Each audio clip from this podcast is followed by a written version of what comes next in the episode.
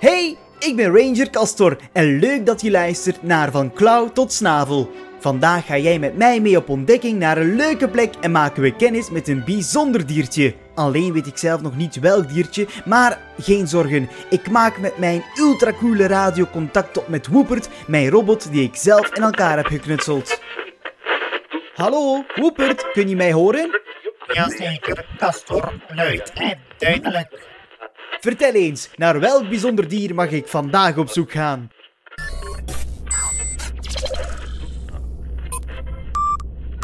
Diersoort vastgesteld. Kijk op je radio. Een bosmuis?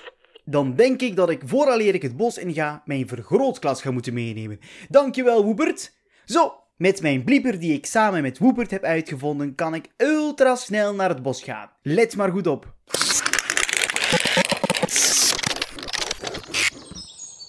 Hmm, ga ik die bosmuis wel kunnen spotten? Ze zijn zo klein. Zonder de staart kunnen ze maar maximum 10 centimeter worden. Je kunt ze wel herkennen door hun goudbruine rug en witte buik. Die grote blinkende oogjes en eh, oh ja, die staart die zelfs langer is dan hun eigen lichaam. En eh, wat dan nog? Oh ja, zeg, ze hebben hele grote afgeronde oren. Ze worden soms ook eens verward met de jonge huismuis. Dat komt omdat ze dan een grijze huid hebben in plaats van een bruine huid. De schattige bosmuis moet zich vaak goed verstoppen door de vele grote vijanden. Meestal krijgt de bosuil of de wezel het muisje te pakken. Mm, gruwelijk.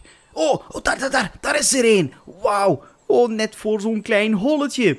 Maar, oh, het slaapt. Oei, oh, we moeten stil zijn. Wat is het klein. Oh, ik ga wat verder staan, zodat ik niet meer stil hoef te praten. Oh, zo, bosmuizen die leven voornamelijk s'nachts. Het zijn echte nachtdieren. In de zomer zijn ze de gehele nacht actief, terwijl ze in de winter enkel aan het begin en aan het einde van de nacht erg actief zijn. Ze eten enorm graag zaden, bessen, mos en bladeren, maar ook gewoon slakken, rupsen, kevers en nog veel meer. Vergeet tijdens de herfst niet om de ogen te richten op de paddenstoelen. Ja ja, daar smult de bosmuis ook heerlijk van. Je ziet dan van die lichte knaagsporen op de hoed van de paddenstoel. Je hoort het al. Knaag. Het zijn namelijk knaagdieren. Bosmuizen wonen in een uitgebreid gangenstelsel onder de grond, in een holletje dus. Zo'n hol herken je doordat er voor de ingang een waaiervormig stortbergje ligt.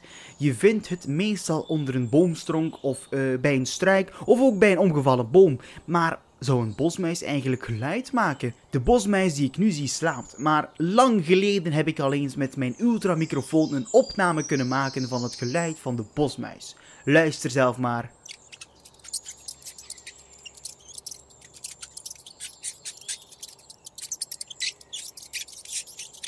Lief geluidje, hè? Als je zelf op zoek wilt gaan naar de bosmuis, ga je net als vele dieren in de nacht op pad moeten gaan en op voorhand al zoeken naar waar ze precies wonen. Daarnet vertelde ik al hoe je zo'n hol kunt herkennen. Je kunt dus op zoek gaan naar de, ja, drolletjes. Ze zijn cilindervormig en hebben stompe polen en zijn maximum 7 mm lang en 4 mm dik. Neem maar je lat mee, want ze zijn heel klein.